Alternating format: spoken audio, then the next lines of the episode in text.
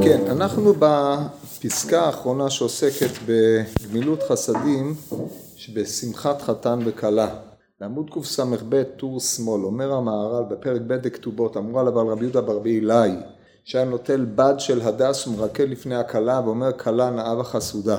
רבי שמואל ברבי יצחק מרקד אתלת פירוש שהיה נוטל שלושה בדים של הדס זורק אחד אחד למעלה מקבל אחד אחד וחוזר וזורקו למעלה ומקבלו אמר רבי זעירא קא מכסיף לן סבא כי נח נפשי אפסיק עמודא דנורא בין דידי לכולי עלמא וגמירא דלא מפסיק עמודא דנורא אלא או לחד בדרא או לתרי בדרא אמר רבי זעירא אהני לי שוטיטה לסבי ואמרי לה שיטתי ואמרי לה שטותי לסבא.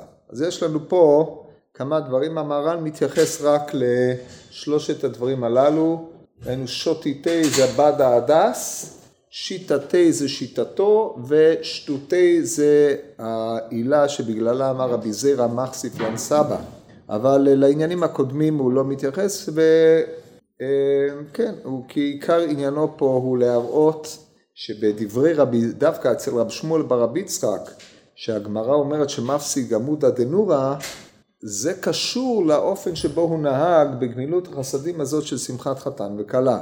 אומר המהר"ל, הזכיר כאן שלושה דברים. שכאשר אדם עושה מצווה, דהיינו, כמו שאמרנו, שוטיטי, שיטתי ושטותי. עכשיו הוא אה, יכליל אותם, יסביר את עניינם. כאשר האדם עושה המצווה, בעניין זה שהוא עושה המצווה בשלימות, שהרי שלמותה של המצווה היא זו שזיכתה אותו באותו עמודא דנורא והוא נחשב לאחד בדרא או תרי בדרא בשלמות קיומה של המצווה.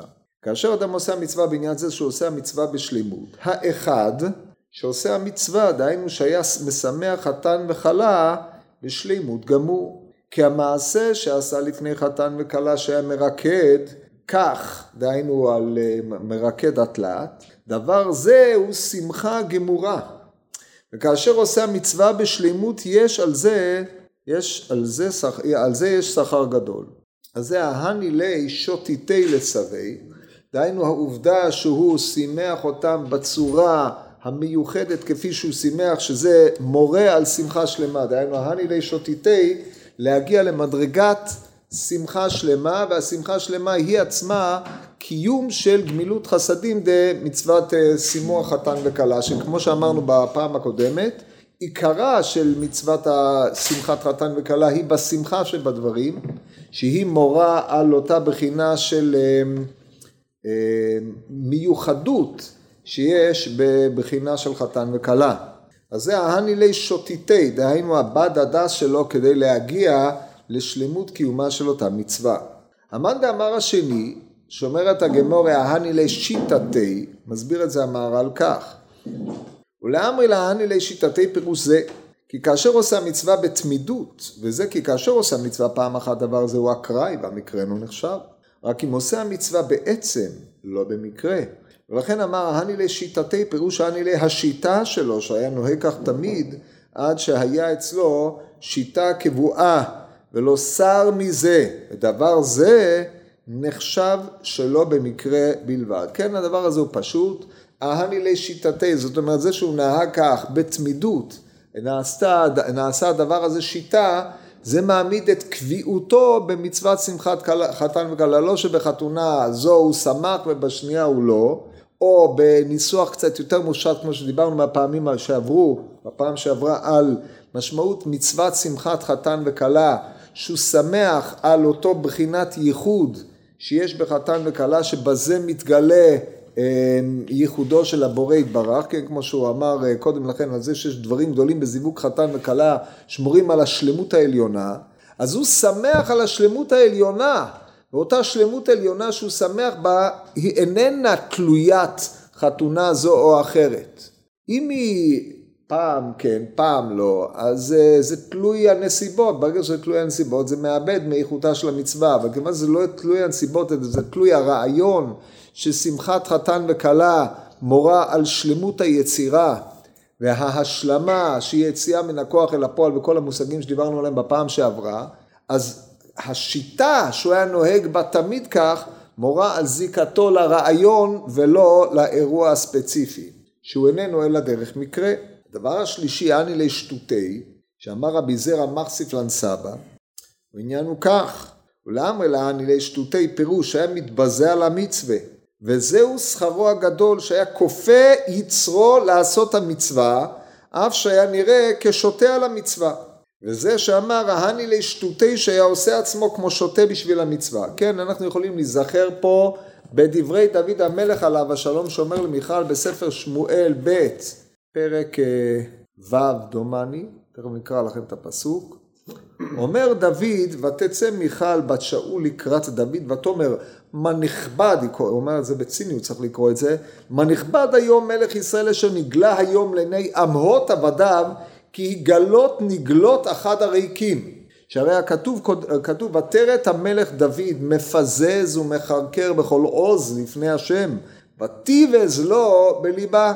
אומר לה דוד, ויאמר דוד אל מיכל לפני אדוני אשר בחר בי מאביך ומכל ביתו לצוות אותי לנגיד על עם ישראל ושיחקתי לפני אדוני ונקלותי עוד מזאת והייתי שפל בעיניי ועם האמהות אשר אמרת עמם יכבדה זאת אומרת הם מכירים במעלת ההתנהגות הזאת. עכשיו אם אנחנו חוזרים לענייני החתונה בעצם השמחה על שלמות היצירה היא שמחה לפני השם. כי הרי בונה חורבה מחורות ירושלים כאילו הקריב תודה, זוכה לחמישה קולות שזה בעצם חוזר ומגלה מעין מעמד הר סיני, מנכיח שכינה, בפרט שנישואין הם הנכחת השכינה, או הבניין הבית זה הנכחת השכינה, ולכן לא ייפלא שההתנהגות שלו פה היא חוזרת ומזכירה את המפזז ומחרקר בכל עוז לפני השם, וזה ההני לי שטותי, המתבזה לכבוד שמיים, אין מעלה על מעלתו שיש בזה כפיית היצר, הדמיון הזה הוא ברור ולא צריך להאריך בדברים האלה. זאת אומרת, הם קשים מאוד על האדם, כמו שאתם רואים אל נכון, אבל אה, זה מעלתו היתרה של אה, רב שמואל ברבי יצחק.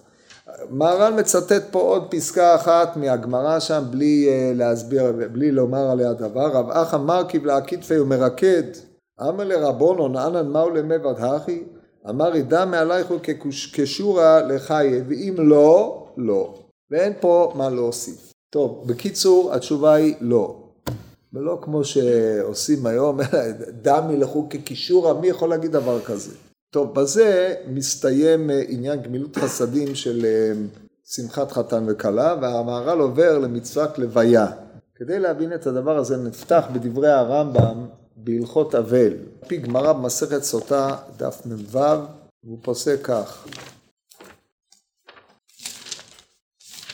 כן. כופין ללוויה כדרך שכופין לצדקה. ובית דין מתקנים שלוחים ללוות אדם העובר ממקום למקום. ואם נתעצלו בדבר זה מעלה עליהם כאילו שפכו דמים. ואפילו המלווה חברו ארבע אמות, יש לו שכר הרבה. וכמה שיעור לוויה שחייב אדם בה, הרב לתלמיד הדיבורה של עיר, האיש לחברו עד תחום שבת, ותלמיד לרב עד פרסה, ואם היה רבו מובהק עד שלוש פרסאות.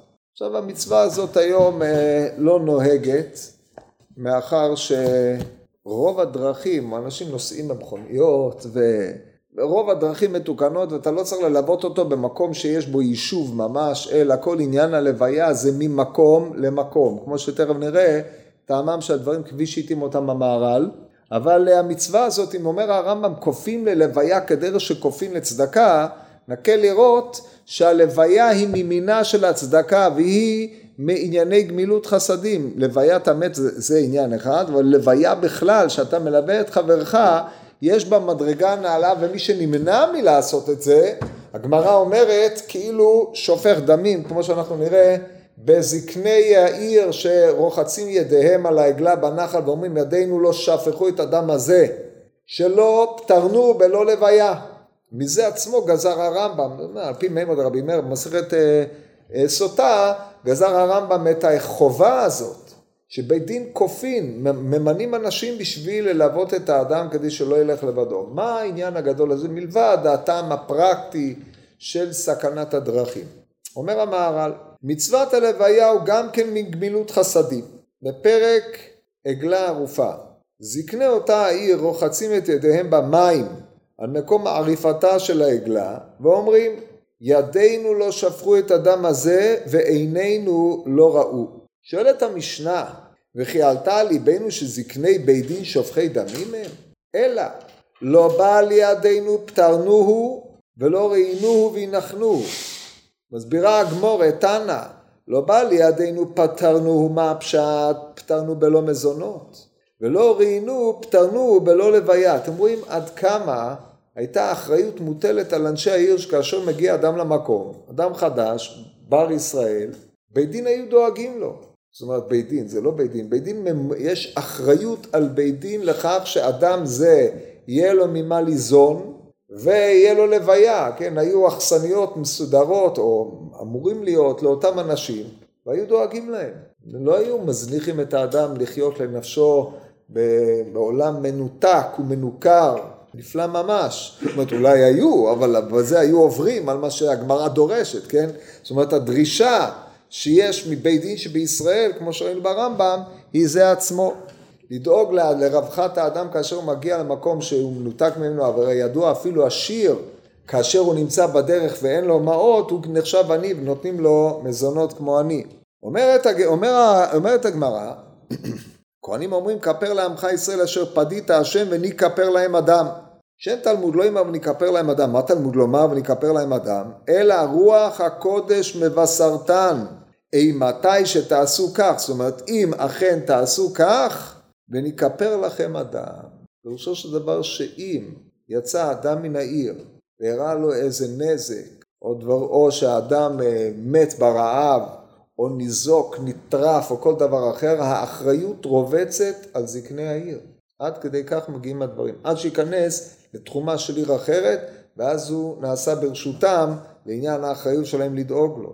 ואני כפר להם אדם פירושו של דבר שדמו ודם זרעיותיו כולם תלויים בהם, זה נורא ואיום, זה מצוות שפיכות דמים, זה טוענה נוראה על אותו מקום.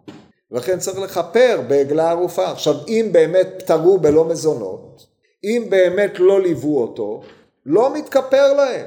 מה הם יעשו? צריכים לעשות תשובה, לעשות תיקון ועוד אי אילו עניינים כדי שלא תצא תקלה מתחת ידם. אבל זאת מציאות שהיא, אה, אני לא יודע עד כמה הייתה שכיחה או לא, אבל היא הייתה קיימת, כן? הרי כתוב בגמרא במסכת סוטה משרה בו הרצחנים, פסקו עם עגלה ערופה. גבול לכמות העגלות שאפשר לערוף במקום שיש אה, ריבוי רצחנים, או לפי אה, גישת, לפי מה שמבואר במפרשים, שראה בו רצחנים, אז לא היה צריך עגלה ערופה כדי לערוף אותם כי הם היו מוכרים, רק אי אפשר לעשות בהם שום דבר, כן? זאת אומרת, חברה שיש בה הרבה רוצחים היא חברה קלוקלת ביותר, ויש תביעה רבתי על החברה הזאת, שזה נורא ואיום.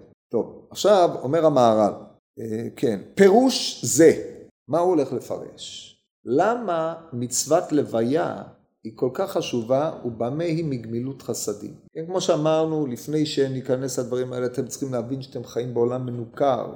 אדם לאדם זהה, ואמר איזה גוי, כן? שהוא כנראה ככה הרגיש. אבל אה, יש הרבה גויים שמרגישים ככה, יש הרבה יהודים שמרגישים ככה, יש ניכור בעולם. אדם לא דואג לחברו, די שאני אדאג לעצמי וזהו, זה בעולם של שורדים, זה ודאי קיים. אלא אם כן יש אנשים טובי לב מאוד, זה לא דבר פשוט. אבל התורה דורשת מאיתנו שנתבונן מעבר לצרכים העצמיים אל צורכו של האחר. למה לוויה יש בצד של גמילות חסדים עד שהימנעות מלוויה היא כמו שופכי דמים. הדבר הזה הוא מדהים, ממש נורא ואיום. לא אמרו שמי שלא נותן צדקה הוא כאילו שופך דמים. זאת אומרת, יש אמירות דומות לעניין הזה, אבל פה זה נדרש מלשון הכתוב. מה העניין הזה? זה מה שאמר הלא הולך להסביר. כי היישוב הוא לאדם, שנאמר הארץ נתן לבני אדם. פתח בכד וסיים בחבית. היישוב הוא לאדם, שנאמר הארץ נתן לבני אדם. האם הארץ מזוהה עם היישוב? התשובה היא לא. יש יישוב בארץ, יש מקומות מיושבים ויש מקומות שאינם מיושבים. הקדוש ברוך הוא נתן את הארץ לבני אדם, ואז הוא אומר היישוב הוא לאדם. הזיקה, המתח בין שתי האמירות הללו תתבאר להלן. וכל אשר נתן לאדם אין מושלים כל כך. אשר הם מחריבים ומפסידים היישוב, כמו גזלנים וליסטים ורוחות רעות, וכל המזיקים אינם מושלים שם. כל המזיקים, מקף אינם מושלים שם. משפטים סתומים. גם התחביר לא מובן, גם הרעיון בוודאי לא מובן. אז נסביר את הרעיון, ואז נטפל בתחביר, עם אילו מקפים ופיסוקים. הרעיון הוא כזה. אמנם התורה אומרת, או כתוב בתהילים, הארץ נתן לבני אדם, אבל לא כל הארץ נתונה לרשותו של האדם. היישוב, מקום שבני אדם יושבים בו, הוא נתון להם. אבל בין לבין הוא לא ברשותו של האדם. האדם לא מממש את מלוא בעלותו על כללות מקומות העולם. יש מקומות שהם אינם מקום יישוב. בין יישוב ליישוב יש מקום שהוא איננו מקום יישוב. המקום הזה הוא מקום שבו שולטים גזלנים, מזיקים, רוחות ועוד אה, סדרת אילו עניינים מופלאים שכאשר אדם יוצא מהיישוב ומגיע לאותם מקומות הוא בחזקת סכנה. אנחנו יודעים שבעולם המודרני כבשו הרבה יותר מהעולם, כמעט אין מקום שלא דרכה בו כף רגל אדם בעולם, מעט מאוד היום, אבל תחשבו על העולם העתיק, בין מקום, בין מקום למקום, היו מקומות שאנשים פחדו לעבור שם. בפרט עם אה, ריבוי האמונות התפלות של העולם העתיק, שהיום פשוט התחלפו באמונות אחרות, אבל נשארו תפלות. אבל אז תפלות האמונות נגעה לכל מיני אה, שדים, דברים האלה שמסתובבים שם, גנבים, ליסטים ועוד אילו עניינים, דבר שהיה לו אחיזה של ממש. לכן בין יישוב ליישוב, המקום הזה הוא לא בשליטת האדם. אז זה מה שבא המהר"ל לומר, למרות שהארץ נתן לבני אדם, אבל האדם לא יכול לממש את כל הארץ הזאת להיות מקום היישוב שלו. עכשיו נראה איך אנחנו אה, מפסקים את הפסקה הזאת שוב. וכל אשר נתן לאדם, הדגש הוא למילה וכל, וכל אשר נתן לאדם, דהיינו כל מה שניתן, אין מושלים כל כך, מושלים במקצת ממה שניתן ולא בכל מה שניתן. אשר הם מחריבים ומפסידים היישוב. זאת אומרת, יש אי אילו כאלה שמונעים את, המהם, את משילותו של האדם ומפסידים היישוב, האדם לא יכול להתיישב באותם מקומות. הם מקומות שהם נחלתם של הזולת, לא האדם. כמו גזלנים, ליסטים ורוחות רעות וכל המזיקים ולכן אין מושלים שם, זאת אומרת אי אפשר לאדם למשול באותם מקומות. והיינו דאמרינן, על פי זה הולך לבאר גמרא במסכת ברכות. רב כהנא על, וזה מופיע גם בברכות וגם אה, עוד מקום נראה לי מגילה, רב, רב כהנא על ולרב שימי בראשי מפום נהרה ציניתא דבבל. דהיינו היו שם דקלים גדולים. כי מה תוהתם? אמר לי, ודאי תאמרי תוהנו ציניתא דבבל איתנו משמי שני אדם הראשון ועד השתא. זאת אומרת המקום, הם הגיעו לאיזה מקום שהיו שם מעצי דקל עתיקים, אומר אתם ודאי אומרים שאלה הדקלים מזמן האדם הראשון נמצאים פה. זאת אומרת, זה מקום, יישוב עתיק. אמר לי, עד קרתן מילתא דרבי יוסי בר חנינא, מאי דכתיב ארץ לא עבר באיש, כן, כתוב, ארץ לא עבר באיש ולא ישב אדם שם, ותבוא לארץ הכרמל, כן, זה פסוק בירמיהו, מה דכתיב, ארץ לא עבר באיש ולא ישב אדם שם. אומרת הגמור, וכי מאחר שלא עבר היכן ישב, הרי אם הוא לא עבר שם איש, מה צריך למימר לא ישב אדם שם, בפשוטו של מקרא, ארץ אשר לא עבר באיש, וארץ שעבר ולא ישב. אבל הוא מפרש כדי לדרוש דרשה הוא מפרש אותה ארץ שלא עבר ולא ישב. ואז השאלה בוקעת איך אותה ארץ, אם הוא לא עבר פשיטה, שלא ישב ולא צריך למימר. אז הדרשה של רבי יוסי בר חנינא הייתה כך: וכי מאחר דלא עבר היכן ישב ומאחר שלא ישב היכן עבר, אלא לומר ארץ שגזר עליה אדם הראשון ליישוב, נתיישבה. ארץ שלא גזר עליה האדם הראשון ליישוב, לא נתיישבה. עד כאן הגמורה. שואל המהר"ל, כן, זו גמרא תמוהה מאוד. מה עניינו של האדם הראשון לגזור? הרי אנחנו רואים שיש ארצות שלא נתיישבו אלפי שנים ואחרי זה נתיישבו. יש ארצות שהיו מיושבות ונוטשו, ומה מה, מה הגמרא רוצה לומר על אדם הראשון שגזר לארץ שתתיישב?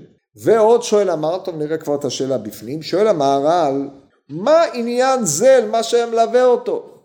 הוא היה מלווה אותו, הגיעו לציניתא דבבל, אמר, הזכרת לי דבר.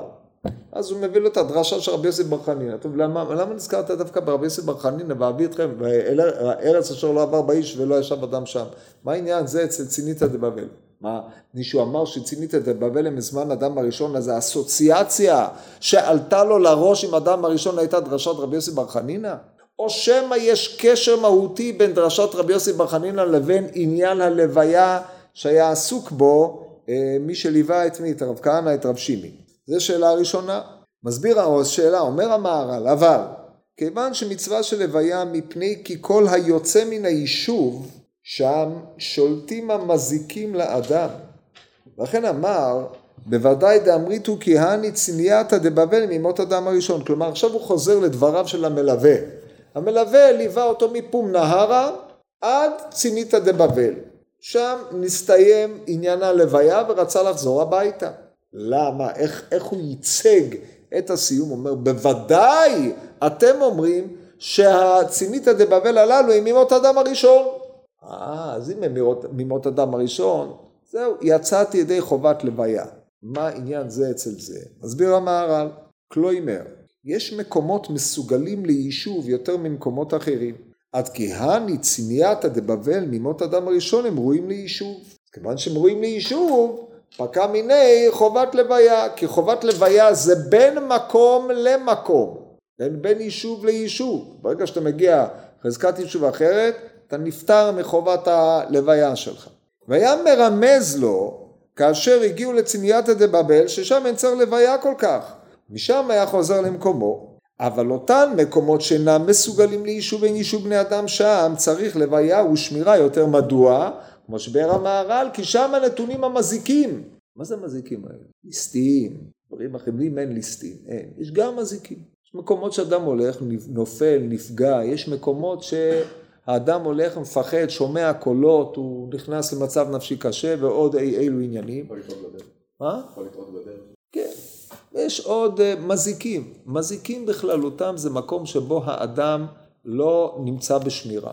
עכשיו בדרך כלל האדם שמור, יש לו מלאך מליץ, זה נשמתו ששומרת אותו, כי מלאכה וצו אלך לשמור לך בכל דרכיך. אבל יש מקומות שבו הוא לא נמצא בשמירה, מי שנמצא בחזקת סכנה הוא לא נמצא בחזקת שמירה, יש מקומות שהם בחזקת סכנה, לא בכדי תקנו את תפילת הדרך.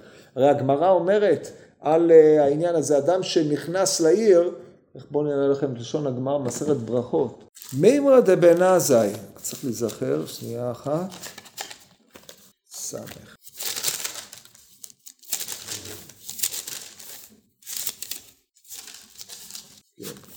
כן.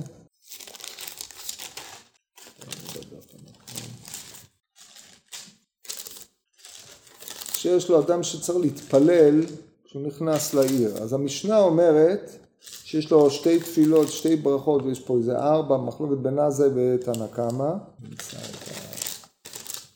קודם כל נקרא לכם את לשון המשנה. כתוב במשנה, אה, הנכנס לקח מתפלל שתיים, אחת בכניסתו ואחת ביציאתו, בן עזה אומר ארבע, שתיים בכניסתו, שתיים ביציאתו, נותן הודיה על שעבר וצועק על העתיד. אומרת, הוא נותן הודעה שעבר שהוא ניצל מן הדרכים, כן? אז זה הגמרא דנה, נמצא את המקום פה. הנה אומרת הגמרא ככה, סמך. אמ, תנו רבנן, אז זה הלל שהיה בא בדרך, הנה זה פה למטה. נכנס, תנו רבנן, בכניסתו מה אומר? אנחנו מדלגים על הכניסה, מה קורה ביציאתו? וביקש לצאת אומר יהי רצון מלפניך השם אלוקיי ולעבדי שתוציאני מכרך זה לשלום. יצא מודה אני לפניך שהוצאתני מכרך זה לשלום. כשם שהוצאתני לשלום תוליכני לשלום תשמחני לשלום תצעידני לשלום תצעיני מכף כל אויב ועורב בדרך. זה היסוד של תפילת הדרך. אחרי זה אה, יש פה את, את אה, מימרת בן עזאי שהיה אומר ארבע דברים. אני לא רואה את זה עכשיו פה. פה בדף מופיע גם דעת בן עזאי שבקיצור אדם צריך אה, להינצל מענייני הדרכים. אז עכשיו זה נקרא מזיקים שלא במקום יישוב. אומר המהר"ל אותם מקומות שאינם מסוגלים ליישוב אין יישוב בני אדם שם צריך לוויה ושמירה יותר והשיב לו כי אדם הראשון אשר ממנו יצאו כלל בני אדם הוא נחשב כמו כלל בני אדם שהרי שמו היה אדם ועליו נאמר השמיים שמיים להשם והארץ נתן לבני אדם. במילים אחרות, כשאתם מדברים על האדם הראשון, אתם לא מדברים על אישיות פרטית, אתם מדברים על ייצוג של כלל המין האנושי. במקום אחר המהר"ל קורא לזה הוא כמו שורש לכל האילן, כמו שיש אילן ויש לו שורש, השורש מחזיק בתוכו את כל מה שהתפתח ממנו, את כל האילן, שזה כללות המין האנושי, האדם הראשון מייצג פה לא את עצמו, אלא מייצג את הכלל. וכשכתוב הארץ נתן לבני אדם, הארץ נתן לאדם שהוא ייצוג של כלל בני אדם.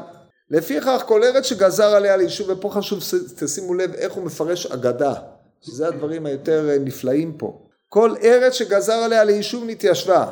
ממתי האדם הראשון עמד וגזר גזרות? אומר המהר"ל, פירוש הגזרה הזאת אינה גזרה בדיבור, כי למה יגזור על זה ולא יגזור על זה? אלא שהיישוב הוא לפי עניין האדם.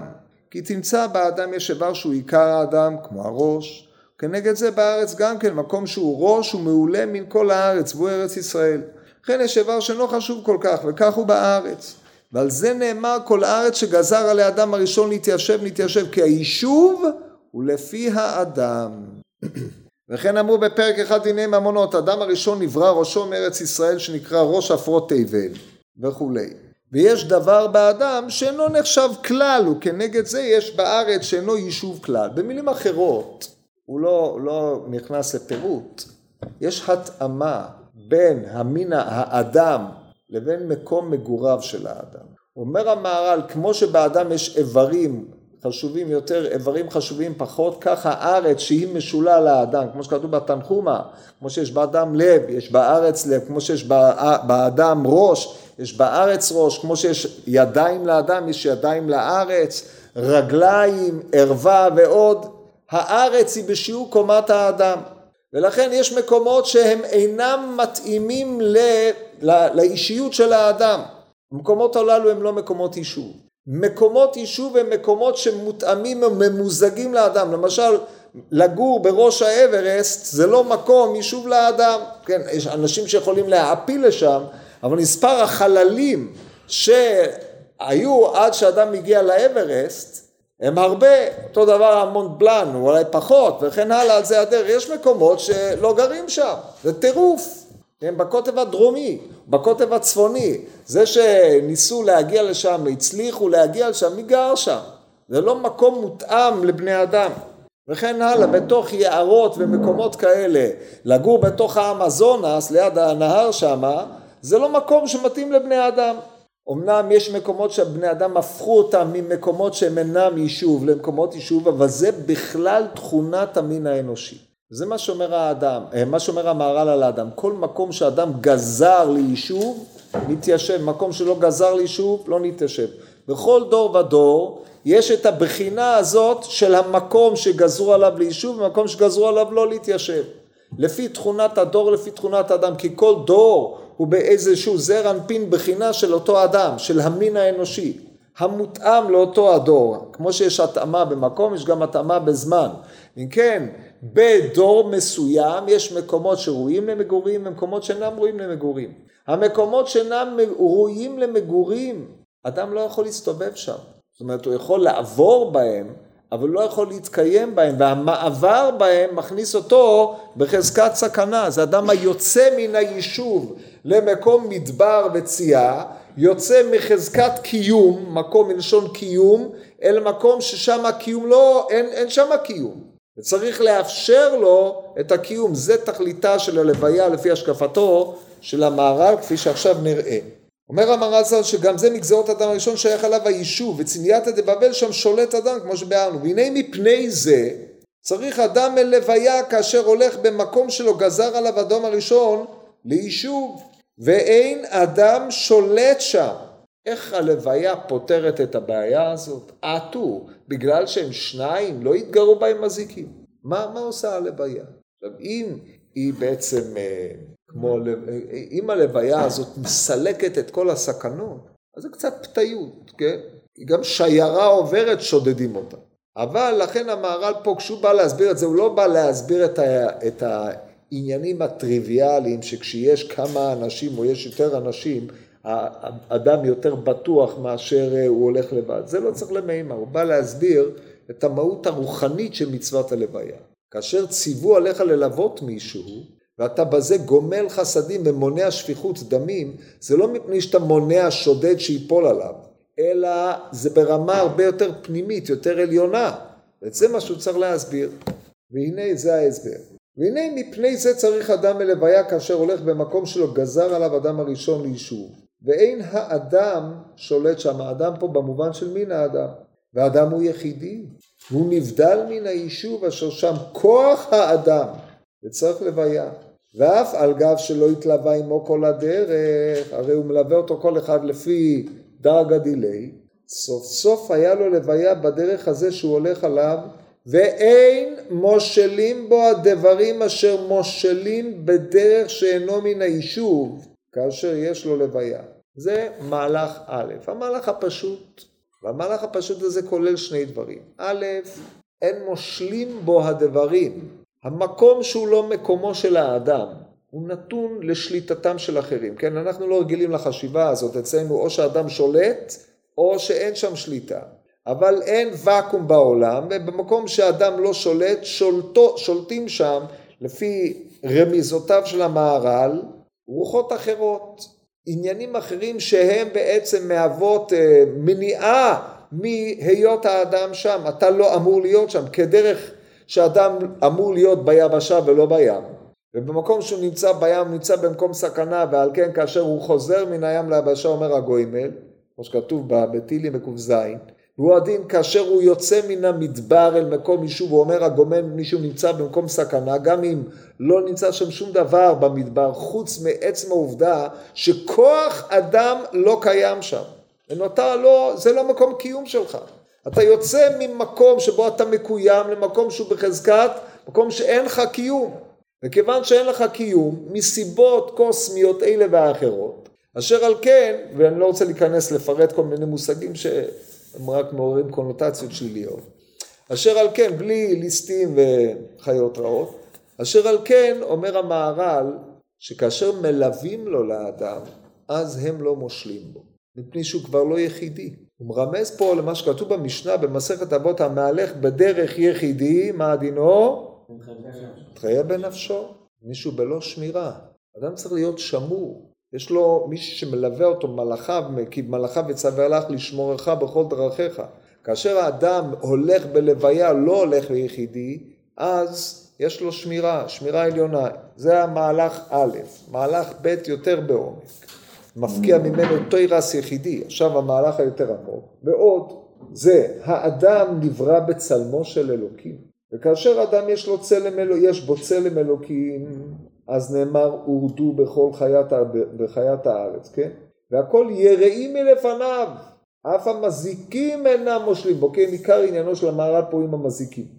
וכן כתיבו מוראכם וחיתכם יהיה על כל חיית השדה, כל, להטויי מזיקים. מזה למדו תינוק בן יומו חיים, צריך לשמור אותו מן העכברים, עוג מלך הבשן מת, צריך לשמור אותו. והכל הוא בשביל צלם אלוהים הזה שיש באדם שראוי לכבוד, מוראכם וחיתכם יהיה. כן, הרי הגמרא אומרת, איך זה יכול להיות שאריה טורף אדם? נדמה לו כבהמה, נמשל כבהמות נדמו, כי אם לא היה נדמה לו כבהמה, היה מתקיים, הוא היה צריך לקיים את הפסוק, ומוראכם וחיתכם יהיה על כל חיית הארץ, מה אתה טורף? אתה לא רואה מי עומד מולך, מה נראה לך שזה שור? כן, אומר לו כן, מה נראה, אני לא, לא מזהה בו את הייחודיות האנושית.